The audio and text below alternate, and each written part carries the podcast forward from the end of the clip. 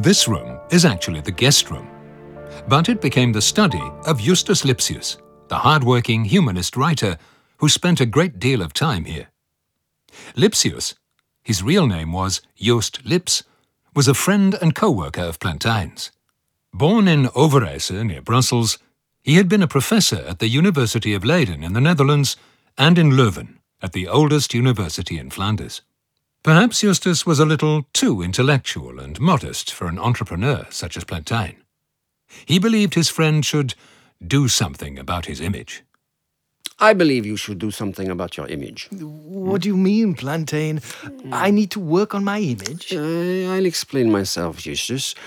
Your real name is. Um... Just. Just Lips. Oh, la, la, la. Quelle horreur! That is not a good name for a writer. Oh. It sounds dull, bland, boring. But, it uh, sounds like a joke. a joke. That's why we've pimped your name. Oh, but uh, It is now Justus Lipsius. I- That is a name whose book you want to read. Yes, I- Not one by Just Lips. So it- Drag that to the trash. right. So, so if I understand correctly, you are looking for a better version of myself. Excellent! Voilà! More beautiful, more pleasant, not too serious. Hein? A little more showbiz, popular, trendy. Trendy. Pizzazz! I, I, I don't know, really. I, I, I don't think I'm that kind of person. I don't care.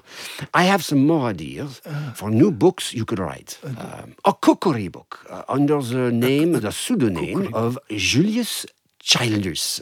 It will sell a thousand copies, I am sure, or something. Um, why not a novel about an old man Yes. and his dog? ah, yes. No, e- even better. An old man and the sea. I, I, I don't really think that's that's my style. Uh, maybe two cities. Th- Three cities we, we could uh, include. A white whale named Ishmael. Ishmael. Uh, Moby is a, is a good name. Uh, Moby, I don't know, Moby. But take your time. Uh, think about it. Uh, meanwhile, I'll bring in the stylist. Oh, what is a stylist? The stylist? But the person who is going to pimp you up. Oh, Hiya! oh my word. Oh, dear. Oh, look at the state of you. you look like something the dog dragged in. Yeah, yes, pleased to meet you. I, I am. uh, Lipsius, I know. Oh, speaking of dogs, is this your little dog? oh, yes, I, I'm a dog lover. Uh, that's a Mopska. Oh, no. Oh, from now on, he's called Mopsius. Like a mop? no, Mopsius. Okay, I'll have to get used to that. Good, good, good, good, Lippy. Okay, now let me have a good look at you. Oh, Oh, yes. Well, that hair. Mmm. Well, that could do with a bit of a snip. oh. And, uh, well, you know, you should grow a bit of stubble.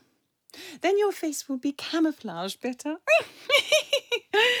oh, cheeky how, yes. Well, that's me. Okay, let's see. Let's put this pink shirt on you.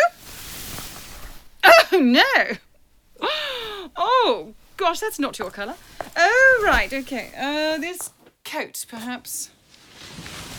Yes, yes, yes. That's white collar brings life to your face. Much better. Well, Oh, okay, now, am I missing anything? I, I don't think so, mm. no. Oh, fur. Oh. Oh, a tiger fur over your shoulders.